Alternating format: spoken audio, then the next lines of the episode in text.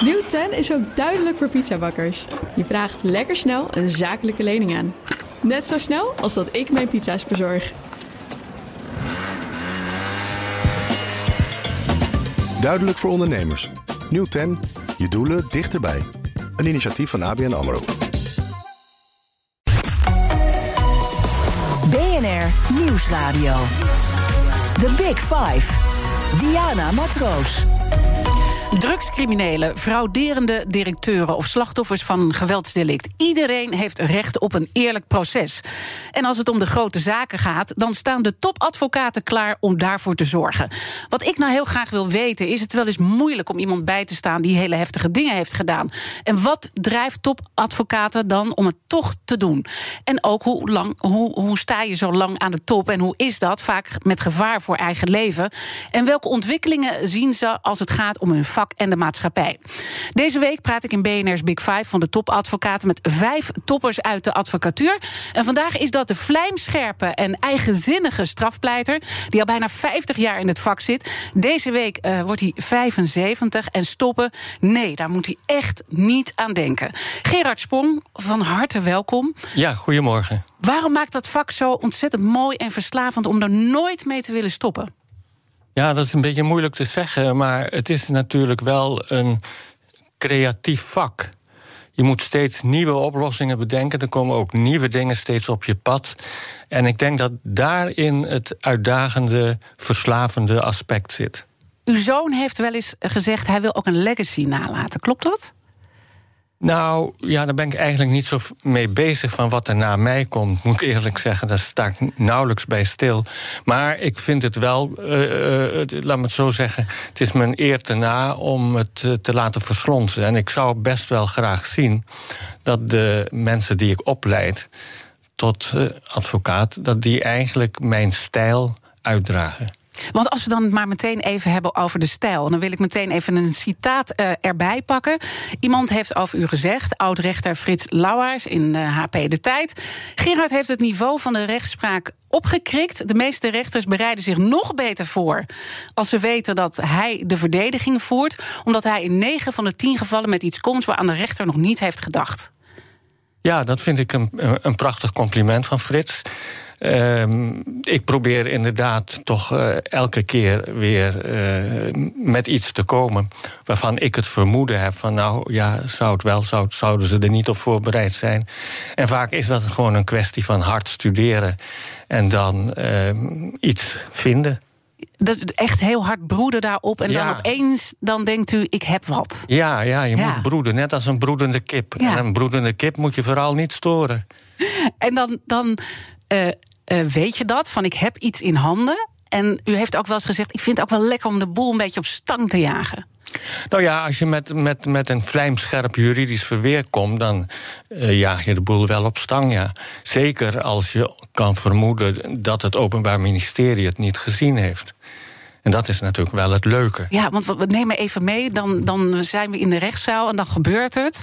U, u, u zet hem neer op de stip en dan?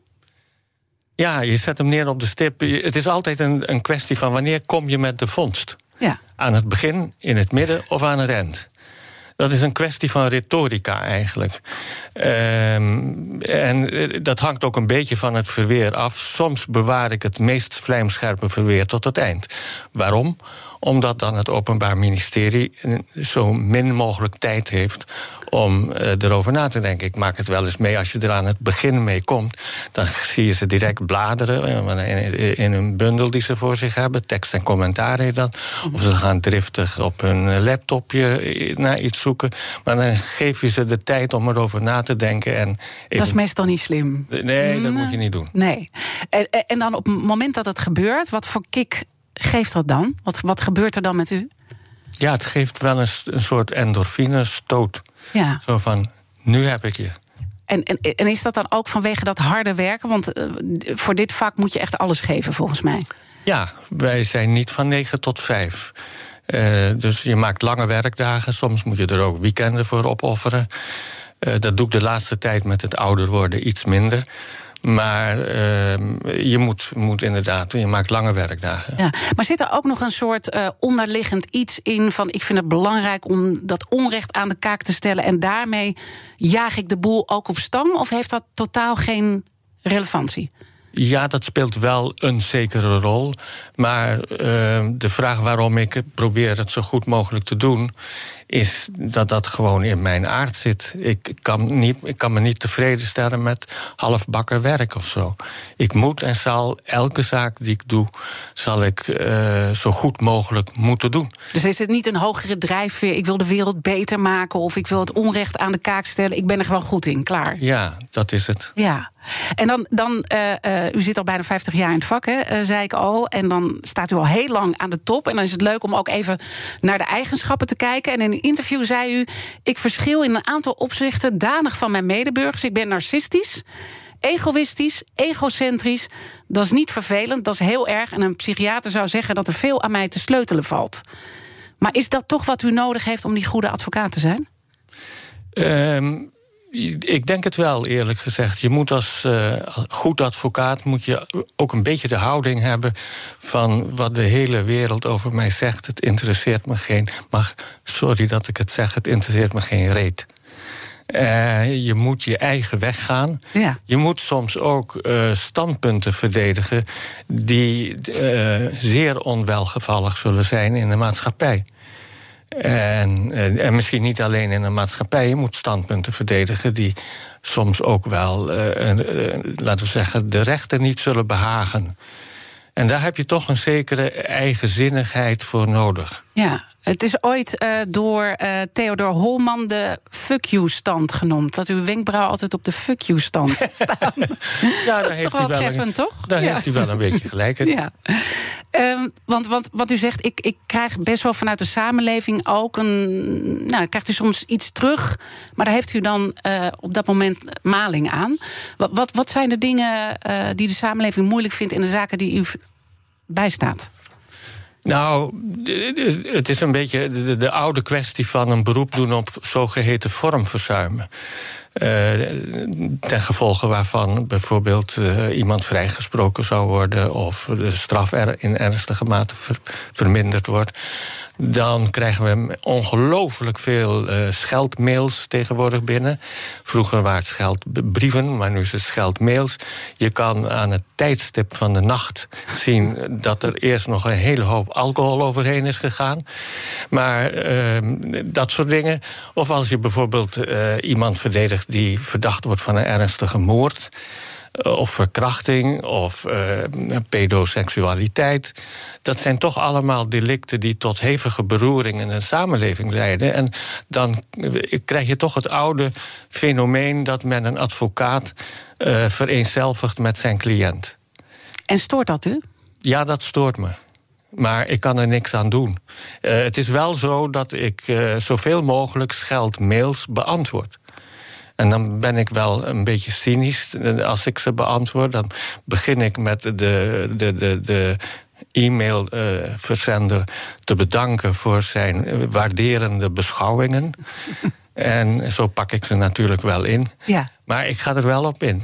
En waarom? Waarom vindt u het belangrijk om daar toch op in te gaan? Want u heeft ontzettend veel tijd die u aan zaken moet besteden. En dan toch dit soort dreigmails, brieven beantwoorden. Ja, het is een soort, soort, soort didactische instelling, een soort opvoedkunde. Ja, maar dat, dat doet u denk ik omdat, het, omdat u zich er ook zorgen wellicht over maakt. Ja, soms, maak ik me, soms zijn ze ook zeer dreigend van aard. Ja. En in een heel enkel geval doe ik ook wel aangifte. Maar ik vind wel dat je moet proberen de mensen tot andere gedachten te brengen. Is het erger geworden, dit soort mails en ja, bedreigingen? Ja, ja. Oh, absoluut. Ja? absoluut. Ja, met de, met de vondst van de e-mail is het hek van de dam. Maar zegt het ook iets hoe we als maatschappij veranderd uh, zijn? Dat we uh, het steeds moeilijker vinden en de slachtoffers eigenlijk belangrijker uh, vinden en de daders daar steeds meer moeite mee krijgen? In een zaak? Dat weet ik niet, maar wat ik wel weet is dat de rem om te gaan schelden en te tieren enzovoorts en te bedreigen, die is denk ik door de e-mail en de app komen te vervallen. Het, het, is heel makkelijk gedaan. Kijk, vroeger als je, uh, moest je dan nog in het uh, tijdperk van voor de e-mail... moest je nog briefpapier aanschaffen en je moest zelf gaan schrijven. De meeste mensen kunnen ook helemaal niet schrijven.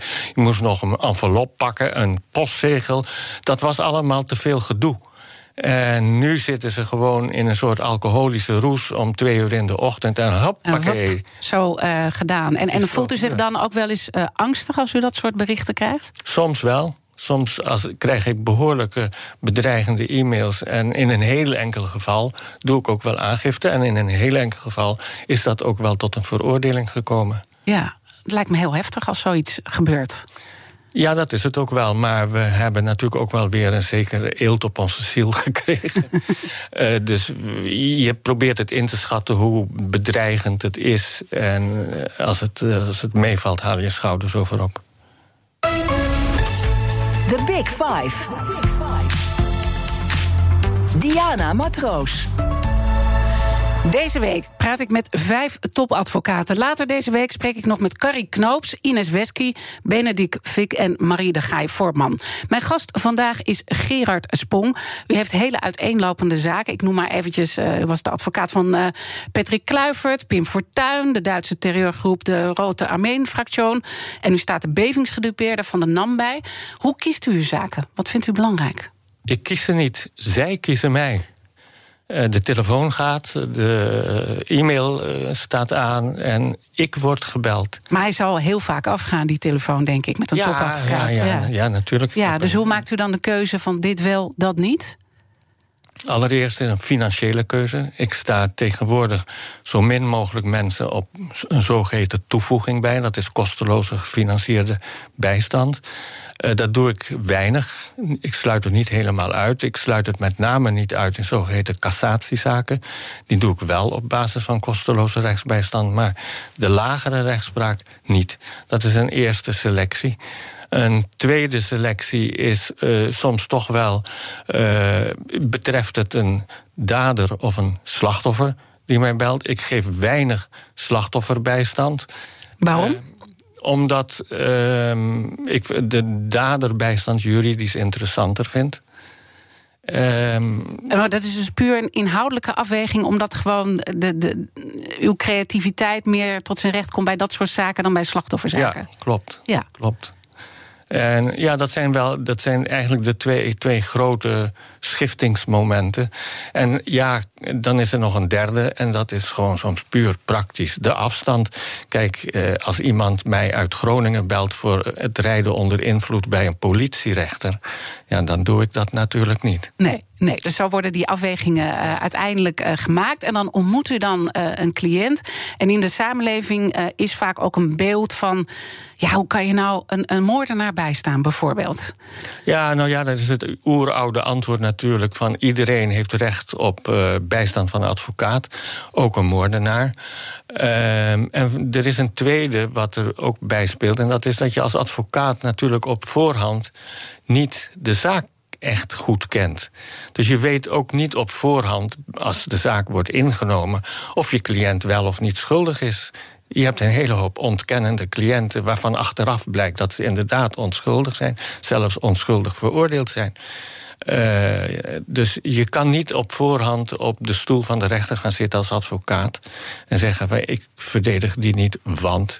Nee, maar op een gegeven moment ontstaat natuurlijk wel het beeld. Uh, want je gaat natuurlijk vragen stellen. Is het dan wel eens dat u het toch moeilijk vindt om iemand die iets heel ergs heeft gedaan, toch te zeggen: die ga ik bijstaan? Ja, meestal weet je pas gaande de rit of iemand het echt wel gedaan heeft, ja of nee. En dan gaande de rit kom je dus voor dat moment te staan van hé, ik zit toch wel hier een hele ernstige moordenaar te verdedigen. Ik had het bijvoorbeeld, uh, ik zal het direct zeggen, ik had het uh, heel uh, aan het begin van mijn advocatencarrière, toen ik gevraagd werd op Pieter Menten bij te staan. En ik zie dat nog zo voor mij toen ik hem ontmoette in de gevangenis in Scheveningen. Liepen wij elkaar tegemoet in een lange gang. En toen, ja, hij al met een uitgestoken arm. En toen schoot door mij heen van als ik deze man een hand geef, geef ik wel een, krijg een bebloede hand terug. moet ik dat nou doen, ja of nee? En, wat deed u? Ja, ik heb het toch gedaan. Waarom? Nou ja, het is een soort uh, sociale plichtpleging. Ja. En ik wilde dat niet verbreken. Maar het is dus wel iets wat u toch wel uh, raakt, zo'n moment? Dat raakte mij wel. Ja, ik stond erbij stil en ik vond het toch wel een beetje. Er ging toch een soort siddering door mij heen toen ik dat deed. Uh, ik heb verder best wel af en toe zaken waarvan ik ook uh, ja, toch wel uh, hevige emoties bij mezelf voel. Geef een voorbeeld. Ik heb eens een keer iemand bijgestaan die verdacht werd van moord op een pasgeboren babytje. Dat had hij bij de moeder weggerukt en met het hoofd tegen een muur geslagen. Dat de hersens op de grond vielen. En dat was natuurlijk een afschuwelijke zaak. Ik heb ook wel eens een keer een echtpaar bijgestaan... die ook hun pasgeboren babytje van 1, 2 maanden lieten verhongeren in het wiegje. Terwijl ze beneden in de woonkamer bier zaten te drinken... lag dat kleine schepseltje boven dood te gaan in de wieg. En wat, wat doet u dan? Want het raakt u dus, maar toch staat u die mensen bij. Kijk, ik, ik kan dat dan bijna niet voorstellen. Hè? Maar nou, ik ben geen advocaat. dus ik hoef die keuze gelukkig niet te maken. Maar dat lijkt me dan dan wil je weg bij zo iemand. Nee, dat heb ik niet. Dan denk je van deze mensen moet ik als advocaat zo goed mogelijk helpen. Net zoals een chirurg een, iemand moet helpen die ook een afschuwelijk misdrijf heeft gepleegd. Kan die chirurg ook niet zeggen van sterf maar. Die doet zijn werk, ik doe mijn werk. En eh, dan probeer je de rechtsbijstand zo goed mogelijk te geven. Want uiteindelijk is dat het anker wat we hebben in een samenleving, de rechtsstaat? Ja, ja dan, kijk, op het moment dat je strafadvocatuur gaat bedrijven, weet je van tevoren dat je voor dit soort dingen komt te staan. En dan moet je niet weglopen. En als, en als u dan kijkt naar onze rechtsstaat, want we praten er veel over de laatste tijd, over onze rechtsstaat. Hoe vindt u dan dat die eraan toe is? Uh, nou, het is bepaald geen zegepraal. Uh, er is nog heel wat werk te verrichten voordat we daar trots op kunnen zijn. Desalniettemin is het wel zo, laat me het zo zeggen, geeft de, onze rechtsstaat een, een, een 6 plus. Uh, als je het internationaal vergelijkt, dan doen we het misschien nog best aardig. Eh, ja, als je het vergelijkt met bepaalde landen. Kijk, als je ons gaat vergelijken met China of met Noord-Korea, ja, dan staan wij bovenaan de lijst natuurlijk. Ja. Maar er zijn andere landen waar, waar we toch minder bij afsteken. Maar toch een 6 plus is niet echt. Hè? Je hoopt dat de rechtsstaat een 10 krijgt. Want dat is natuurlijk waar zeker ook een perfectionist als u uh, op uit zou moeten zijn. Waar schort het aan? Nou, het schort aan verschillende dingen. Een van de dingen die de rechtsstaat toch wel ondermijnen en wankel maken, is de buitengewoon schrale vergoeding van advocaten die op kosteloze rechtsbijstand bijstand verlenen. Uh, de minister van uh, Rechtsbescherming. Wij noemen hem eigenlijk meer minister van rechtsaantasting. Uh, minister Dekker van de VVD die uh, heeft toch uh, jarenlang ervoor gezorgd dat wij gewoon onderbetaald werden. En meneer Teven, ook weer van de VVD, die had wel eens een keer het snode plan opgevat om advocaten maar zo weinig mogelijk te betalen. En dan werd de rechtsbijstand wel minder en dan ging de criminaliteitsbestrijding ook direct beter. Gelukkig is dat plan van Teven niet doorgegaan, maar tekent wel eigenlijk de mentaliteit bij uh, sommige bestuurders.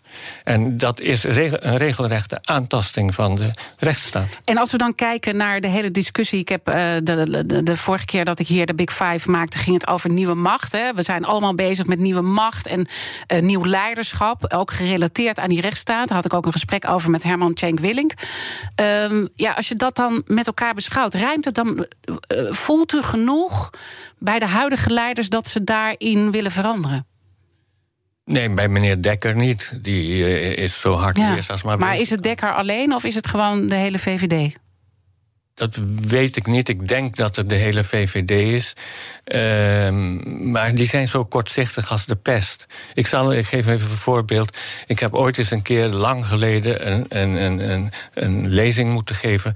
Nadat Frits Bolkestein uh, de lezing had gegeven. En Frits Bolkestein riep zijn zaal vol met enthousiaste VVD'ers toe dat hij uh, groot voorstander was van strenge straffen, strengere straffen. En ik zag inmiddels in de zaal ongeveer vier, vijf cliënten van mij zitten. En toen hield ik ze daarna voor. Ik zei: Bedenkt u wel goed dat als u strengere straffen op valsheid in geschriften en fraude wil, dat u dan de strop om uw eigen nek bindt. Oei. Nou, toen waren ze wel even stil. Want dat, dat strenger straffen, dat is natuurlijk wel iets wat steeds uh, luider klinkt. Hè? Dat is steeds Ja. iets wat belangrijker wordt. Ja, het helpt geen bal. Nee. Wat, wat, wat, wat vindt u ervan? Waar komt het vandaan, die roep om dat strengere straffen? Ja, dat is een soort elementair eh, soort beweging, onderbuikgevoel. Kijk, de criminologie, ons vak in de criminologie heeft geleerd dat er geen, niet minder misdrijven worden gepleegd ten gevolge van een hogere strafbedreiging. Maar de samenleving wil die wetenschap gewoon niet kennen. Dat is het beroerde. En waarom is dat, denkt u? Ja, dat is een soort goedkoop eh, appel op de onderbuik, denk ik. En eh, kijk, als je vandaag de dag eh, de, strafmaat op, ik noem maar wat, bedreiging, hè, bedreiging van zogeheten toga-dragers, als je dat van twee jaar verhoogt naar drie jaar, want dat is het voorstel, ja, dan is dat een, gewoon een sym- symboolwetgeving, want er is geen enkele bedreiger die zich door een paar maanden meer gevangenisstraf laat afhouden van zijn snode daad. En van een paar jaar meer? Ook niet. Er wordt geen moord minder gepleegd omdat het toevallig van 20 naar 30 jaar gaat. En toch willen we in een soort ehm, hebzucht om te controleren dat misschien doen? Of is het eh, om stemmers te trekken? Waar, waarom is het? Waar komt het Nou vandaan? ja, zeker stemmen trekken van eh, tough on crime, hard on crime. En eh, dat klinkt allemaal heel manhaftig, maar het zet geen zoden aan de dijk. Is het niet zo dat we gewoon in de, in de samenleving überhaupt eh, steeds meer proberen te controleren? Een soort, soort handel in angst? Eh, dat weet ik niet, maar wat ik wel weet is dat, eh, dat, de ministers eh, en, en politici toch gebruik maken van goedkope argumenten. Alleen maar om een beetje te scoren. En dat stoort mij. Ja, en wat doet u daar dan mee? Nou ja, ik zeg in programma's als deze Ja. wat ik ervan vind. Maar is dat ook een reden? Want we zien u natuurlijk heel vaak in talkshows. Hè? De laatste tijd had dat denk ik misschien ook te maken met de kwestie van Sidney Smeets. Dat u veel in de media heeft opgetreden. Of heeft dat er niks mee te maken? Nee, dat heeft er niks mee te Nee, maken. want dat was wel een, een pittige zaak Dat natuurlijk. was een pittige zaak, zonder enige twijfel. Ja, maar dat u veel in de media verschijnt, is dat dan ook om ons op te voeden of is het ijdelheid? Nou, geen van beide. Wat is het wel? Nou, u moet zich even voorstellen, ik word door u gevraagd. Ja, dat is waar. Maar Eh, u kunt ook zit nee niks- zeggen natuurlijk. Ik ben zit blij niks- dat u geen nee Er heeft zit gezegd. niks ijdels bij. Nee, maar dan eh, komt natuurlijk toch met de gedachte dan ook hierheen en naar al die andere eh, shows. Ik bedoel, als, als het niks zou doen, dan zou u het ook niet doen, denk ik. Nee, ik vind het belangrijk, eh, als ik zo'n verzoek als de uwe van de uwe krijg... ik vind het belangrijk om af en toe toch een bepaalde boodschap uit te dragen. En eh, dat is, of je dat nou opvoedkunde noemt of wat dan ook... maar de stem van ons moet af en toe gehoord worden... in de hoop dat het relativeringsvermogen van de gemiddelde burger wat toeneemt. Mijn gast in BNR's Big Five van de topadvocaten is Gerard Spong. En straks praten we verder in het tweede deel van ons gesprek. En dan wil ik onder andere vragen wat nou de impact is geweest van de moord op Dirk van Wiersum op het strafrecht. En eh, ja, ook even over eh, eh, hoe het gaat met de diversiteit in Nederland gerelateerd tot de straffen. Tot BNR Nieuwsradio. The Big Five. Diana Matroos. Welkom bij het tweede halfuur van BNR's Big Five. Deze week spreek ik met vijf topadvocaten. Later deze week ontvang ik Carrie Knoops, Ines Wesky, Benedict Fiek en Marie de Gaai Fortman. Mijn gast vandaag is Gerard Spong. En onze gasten stellen elkaar vragen via de kettingvraag. Vorige week sprak mijn collega Art Royakkers met Corine de Vries. Zij is hoofdredacteur van de regiobladen bij het Mediahuis. En zij had deze vraag voor u. Meneer Spong, eh, ik, waar ik heel nieuwsgierig naar ben, stel u zou ehm, eh, eh, van vandaag eh, besluiten om een andere carrière aan te gaan. U, u wordt onderzoeksjournalist. Welk onderwerp zou u zich op gaan richten? Ofwel, wat laten wij als media liggen? Het antwoord op die vraag is dat ik als onderzoeksjournalist meer aandacht zou wijden aan het grote probleem van eh, de crime control situatie, het crime control model tegenover het due process model. Dat is iets dat zich in toenemende mate in het strafrecht manifesteert. We zien dat op veel gebieden. We zien dat op het gebied uh, de creatie van witwassen. Witwassen is pas sinds 2002 een mhm. misdrijf geworden. We zien het op het gebied van ontneming wederrechtelijk voordeel. En het probleem is dat er sprake is van een omkering van de bewijslast. Want misschien toch even die twee begrippen uitleggen. U noemt het, het is voor u dagelijkse crime, oh Ja, crime, crime control betekent dat de laten we zeggen, de bestrijding eh, van de criminaliteit voorrang krijgt boven het, uh, het, het beginsel van een eerlijk proces. Due process eerlijk proces. En dat betekent dus dat je op alle mogelijke manieren zie je dat aan dat due process toch wordt geknabbeld. Dus dat eigenlijk de bewijslast uh, bij degene die verdacht wordt, wordt neergelegd. En dat, dat is eeuwenlang was dat niet zo. En nu zie je dat bij witwassen en uh, ontneming wederrechtelijk voordeel. Dat heet in de, in de, eh, kort gezegd, de plukse wetgeving. Maar dan zie je zowel bij witwassen als ontneming dat gezegd wordt, heel kort door de bocht, van als je niet kan aantonen dat je het geld legaal verdiend hebt, dan kan het niet anders dan dat het van misdrijf afkomstig is. Nou, dat vind ik eigenlijk een ontoelaatbare omkering van de bewijslast. Maar het is wel aanvaard in onze rechtspraak. Het is dus uh, toegenomen dat het eigenlijk het kantelt meer de andere kant op. Ja. En, en waar komt die kanteling dan vandaan? Uh, ook weer uit een soort bewijsnood. Men heeft toch wel, uh, denk ik, uh, het onderbuikgevoel van dit is een boef en die mag vooral niet profiteren van zijn misdaad. Alleen we kunnen het niet bewijzen. Nou, dan krijg je dit soort redeneringen. En wat staat er op het spel voor ons allemaal? dat er bijvoorbeeld mensen veroordeeld worden voor, voor witwassen. Of er worden voor miljoenen en miljoenen en tonnen en tonnen aan uh, vermoedelijk illegaal geld ontnomen. Uh, maar ik vind dat toch eigenlijk niet. Dat heeft niks te maken met een eerlijk proces.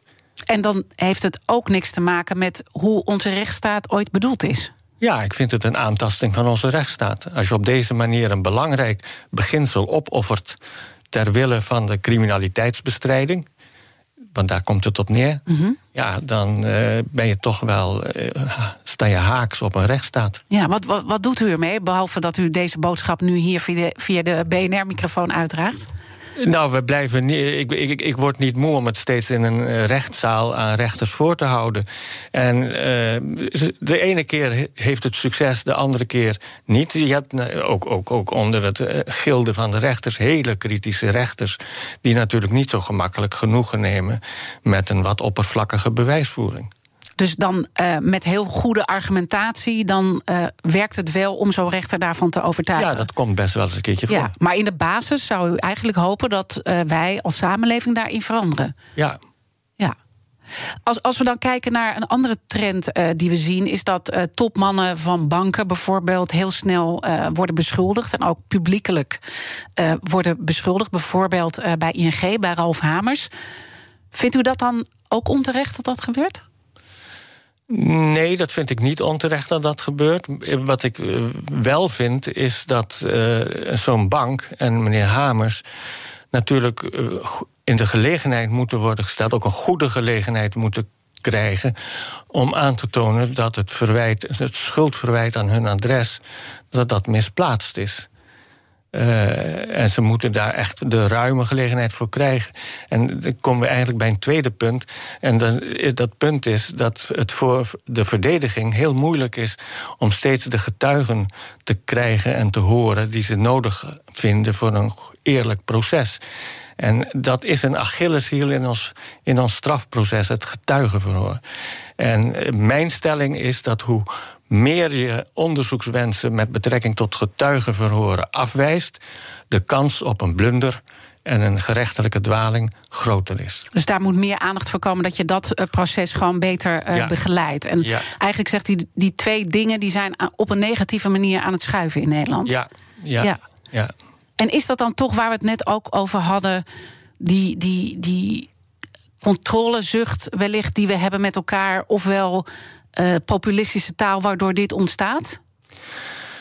Uh, dat zou best wel kunnen. Kijk, de rechter die, uh, kan zich ook niet altijd losmaken van, het, van, van een bepaald gevoel in de samenleving.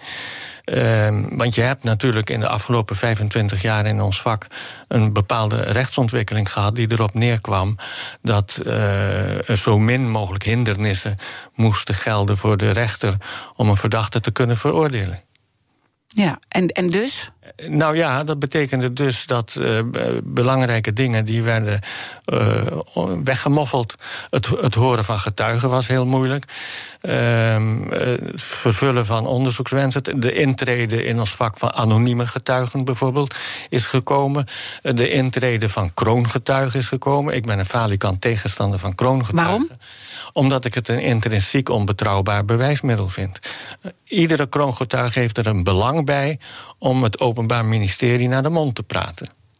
En ja, ik vind dat we dat eigenlijk niet zouden moeten hebben. We moeten een voorbeeld nemen aan Amerika. Vroeger had je datzelfde in Amerika ook, toen ze jacht maakten op Al Capone.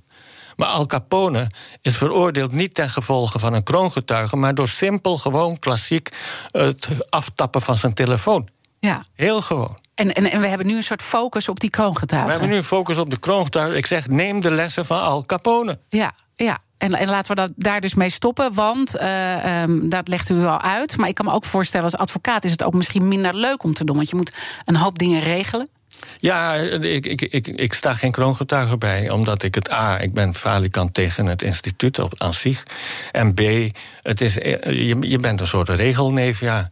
Dat trekt me helemaal niet. Nee, want wat, wat, wat vindt u dan het leukste aan uw vak? Niet al dat regelen dus? Nee, niet het regelen, gewoon het juridische uh, studie en handwerk. Dat vind ik het leukst. Ja, en het regelen bij een kroongetuige, waar relateert dat zich toe?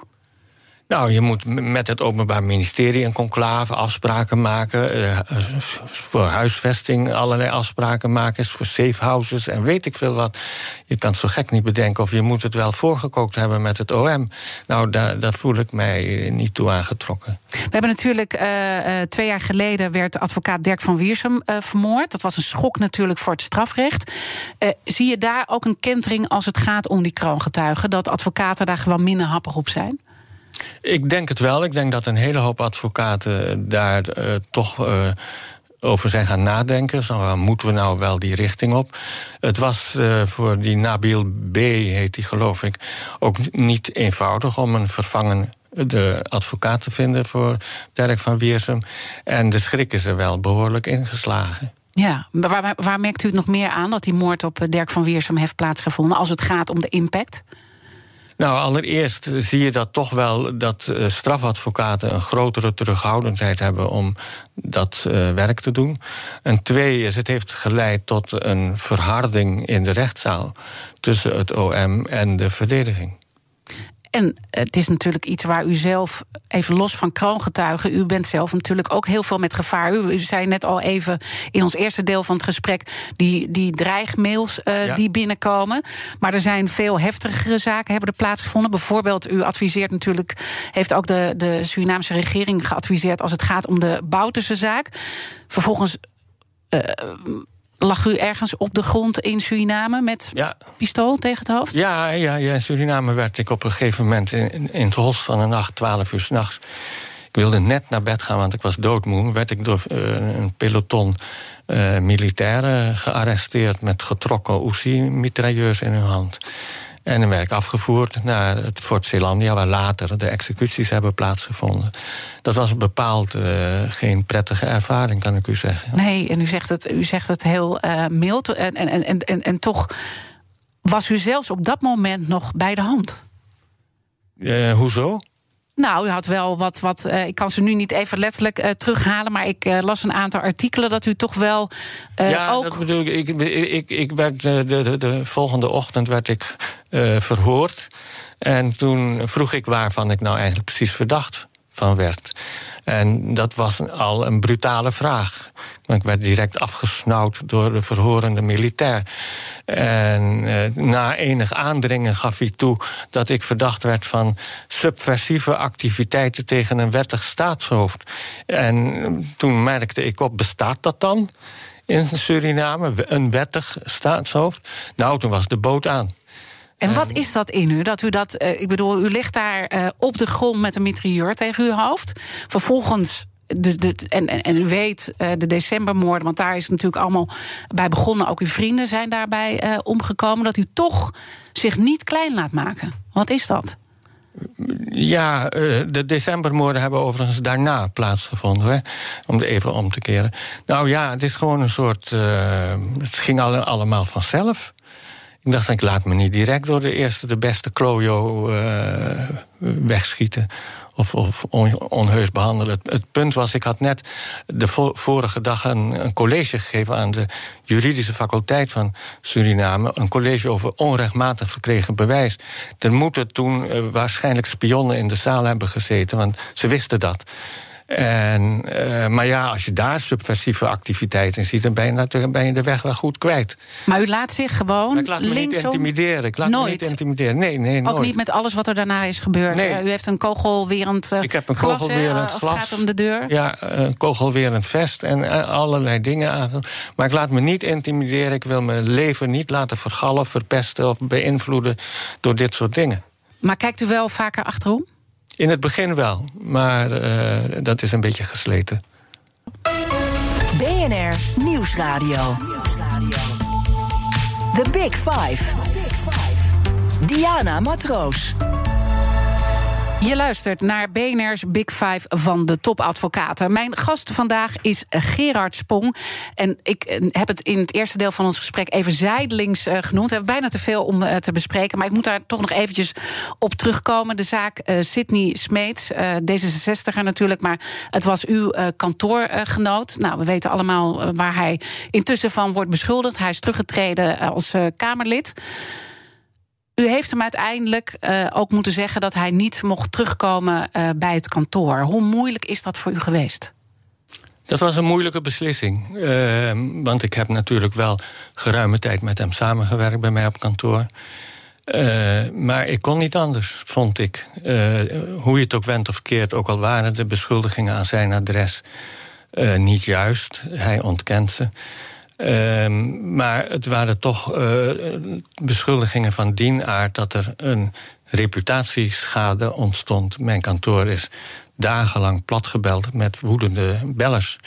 En ik kan uh, het risico op reputatieschade voor mijn kantoor en de integriteit van mijn kantoor, dat kan ik er niet bij hebben. Uh, bovendien waren er ook mensen, medewerkers bij mij op kantoor, die waren zo geschokt dat zij verder samenwerken met hem niet zagen zitten.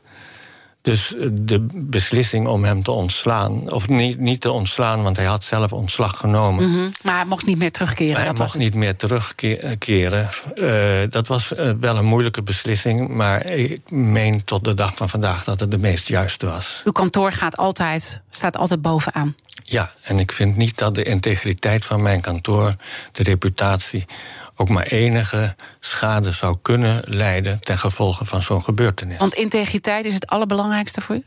Ja, dat is wel heel, heel erg belangrijk, ja. Ja, wat, wat, wat zit daarachter, achter die integriteit? Waarom u dat zo ontzettend belangrijk vindt? Zo ben ik opgevoed. Ja. Door uw ouders? Door mijn ouders. Ja. En, die, en die ouders uh, die hebben denk ik überhaupt wel, uh, misschien uw vader ook wel veel invloed gehad in hoe u uw werk uh, deed. Hij was psychiater. Ja. U bent opgegroeid eigenlijk. in met een psychiatrisch ziekenhuis. In een psychiatrisch ziekenhuis. Want uw huis zat letterlijk aan dat psychiatrische ziekenhuis vast. vast. Ja. Hoe heeft dat u gevormd in het werk? Hoe u ook naar daders kijkt, bijvoorbeeld? Dat is moeilijk te zeggen. Daar zou ik eigenlijk psychiater voor moeten zijn ja. om die vraag te kunnen beantwoorden. Maar ik heb altijd als jochie uh, in mijn jeugd, toen ik opgroeide, laten we zo zeggen, gedeeltelijk in een psychiatrisch ziekenhuis, heb ik geleerd dat je op een humane, prettige, menselijke manier, zonder angst, moet omgaan en je open moet stellen voor psychiatrische patiënten. En uh, er is niks engs aan een psychiatrische patiënt. En je moet ze laten uitpraten en je moet ze hun emoties laten tonen. Uh, ik kreeg nog uh, jarenlang op mijn verjaardag vanuit Paramaribo een cadeautje op mijn verjaardag toegestuurd in de vorm van een tandenborstel of een reepje of een stukje zeep of zoiets. En dat was hartverwarmend. En is dat dan ook hoe u naar moordenaar uh, kijkt? Ja. Dat je altijd uh, gewoon toch dat hele stel verhaal... Je, stel je open voor een ieder. En eh, wat er ook uitrolt en wat het eindresultaat ook is, maakt niet uit. Maar ik vind dat je eh, moet openstellen. En dus ook uh, van bepaalde vooroordelen af moet stappen, denk ik? Ja. En als we dan ook het etnisch profileren, want dat heb ik net ook aangekondigd, daar ja, gaan we het ook over goed. hebben. Dat is heel goed. Dat gaat natuurlijk ook over onbewuste vooroordelen die een bepaald effect hebben. Ja, en het beroerde is dat onze Hoge Raad dat accepteert. En het is de meest schandelijke rechtspraak die ik in vele jaren ben tegengekomen. Want hoe je het ook went of verkeerd, het komt neer op je reinste discriminatie. Namelijk, de kleur van iemand is belangrijk om hem als verdachte te kunnen aanmerken. Nou, dat moet uit ons recht, want het is echt een schandvlek die teruggaat waarschijnlijk op de koloniale periode, misschien ook wel op de slavenperiode, ten gevolge waarvan mensen met een andere huidskleur gewoon verdacht werden van een misdrijf. Dat heeft eeuwenlang gegolden. Mhm. En dat zien we dan terug in, die, in dat etnisch profileren van vandaag de dag. En het beroerde is dus dat de rechterlijke macht dat pikt. En dat vergoeilijkt. Weliswaar onder een aantal omstandigheden. Maar desalniettemin, als aan een aantal omstandigheden is voldaan, mag je iemand vanwege zijn huidskleur aanhouden en controleren op de weg. Omdat hij dan verdacht Heeft u het zelf wel eens meegemaakt? Want u bent natuurlijk zelf uh, Surinaams. Ja, ik heb het meegemaakt in Frankrijk. Maar het me meest stuitende voorbeeld was in Zweden. Toen werd ik in Zweden, kwam ik daar met mijn Maserati van een boot afgerold. En toen pikten ze mij eruit. En toen zeiden ze: We willen uw auto controleren. Ik zeg: Waarom? Er zijn nog 200 andere auto's, die rijden ook van die ferry af. Nee, nee, nee, routinecontrole. Nou, er kwam ook nog een fikse hond aan te pas. En toen ze mij vroegen waar ik mijn geld mee verdiende, zei ik gedeeltelijk met verdovende middelen. Nou, toen was de boot aan natuurlijk. maar dat is dan toch weer iets in u, omdat dat, uh, het stangen, hè? Ja, dat toch. was het stangen. Ja. Ja. en toen vroegen ze waar ik geboren was. Ik zei ik in Zuid-Amerika. Nou, dat was ook uh, dik, dik, dik, fout natuurlijk. Ja, waar van Zuid-Amerika? Ik zei ja, Paramaribo. Maar u weet helemaal niet waar Paramaribo ligt, want het waren Zweedse agenten. Die hadden nog nooit van Suriname gehoord. Maar de enkele geografische precisering Zuid-Amerika was natuurlijk verdenking verhogend. Nou, toen vonden ze natuurlijk niks. En uh, toen zei ik een beetje sarrend: ik zeg, haal er maar een tweede hond bij. Ja. en zij stonden uh, perplex natuurlijk. Ja, natuurlijk waren ze perplex. Uh, ja. ja. natuurlijk. En uiteindelijk loopt dat dan natuurlijk allemaal goed af. Ja. Uh, maar het zegt natuurlijk wel wat. Hoe, hoe, hoe komen we tot een. Want ik bedoel, we praten in het zakenleven en in, op allerlei terreinen praten we steeds over diversiteit en inclusiviteit. Ja. Maar het, ja, het, het verandert kijk, niet. kijk naar de rechterlijke macht. Dan zie je, dan zie je bijna geen zwarte rechter. He, en, uh, en, ze studeren toch wel rechten? Ze studeren wel. Ja, af en toe zie je nog wel een gele rechter er tussendoor lopen. Ja. Maar het is allemaal zo wit als, als maar wezen kan. Hoe veranderen we dit? Nou ja, dat, dat, dat moet je op alle niveaus veranderen. Dus de minister van Justitie zal met de Raad voor de Rechtspraak om de tafel moeten gaan zitten om dit op te lossen. Er, er zijn ongetwijfeld zijn er capabele zwarte rechters te vinden. Maar we hebben er wel een paar jaar één of twee gehad hoor. Daar niet van. Maar als je nu vandaag de dag een rechtszaal binnenstapt, zie je ze niet. En dat Hoge heb je uiteindelijk de nodig. Hoge Raad, die- zo, zo, zo wit als maar wezen kan. Ja. De Raad van State, denk ik ook, hè? Idem dito, de enige eh, al- allochtoon, om even dat woord te gebruiken. Ik vind het gewoon een heel makkelijk woord hoor, ik heb er verder niks op tegen. Was Lilian Gonsalves. Die zat in de Raad van State. Eh, maar die is er nu uit, die is gepensioneerd. Misschien dat we hier nog eens een keer een andere keer over moeten praten. Want de tijd is eh, bijna op, maar we moeten nog een belangrijke zaak verrichten. Oh. En dat is de kettingvraag eh, voor mijn gast morgen. Morgen dan is Carrie Knoops mijn eh, gast. Natuurlijk veel bezig met internationaal recht. Wat zou uw vraag aan haar zijn? Ja, Carrie, ik heb net gehoord dat je dus in het bijzonder bekwaam bent in het internationale recht. En mijn vraag is aan jou: vind je de bombardementen eh, van de Gazastrook door Israël een oorlogsmisdrijf? Een hele interessante vraag. Die ga ik eh, zeker stellen. Bijna 50 jaar in het vak. Het wordt groots gevierd nog, als het kan. Nee hoor, gewoon met een pom. Gewoon met een pom, lekkere Surinaamse pom, heerlijk. Daar, uh, dat vind ik ook het lekkerste gerecht eigenlijk uh, uit Suriname. Ik wil je heel erg danken dat je mijn uh, gast was vandaag. Topadvocaat Gerard Spong. En alle afleveringen van BNR's Big Five zijn zoals altijd terug te luisteren. Je vindt de podcast in de BNR-app en op bnr.nl. Maar blijf natuurlijk de hele dag live. Zometeen Iman Verrips met BNR breekt. Ik wens je een mooie dag. Nieuw 10 is ook duidelijk voor pizzabakkers. Je vraagt lekker snel een zakelijke lening aan. Net zo snel als dat ik mijn pizza's bezorg. Duidelijk voor ondernemers. Nieuw 10, je doelen dichterbij. Een initiatief van ABN AMRO.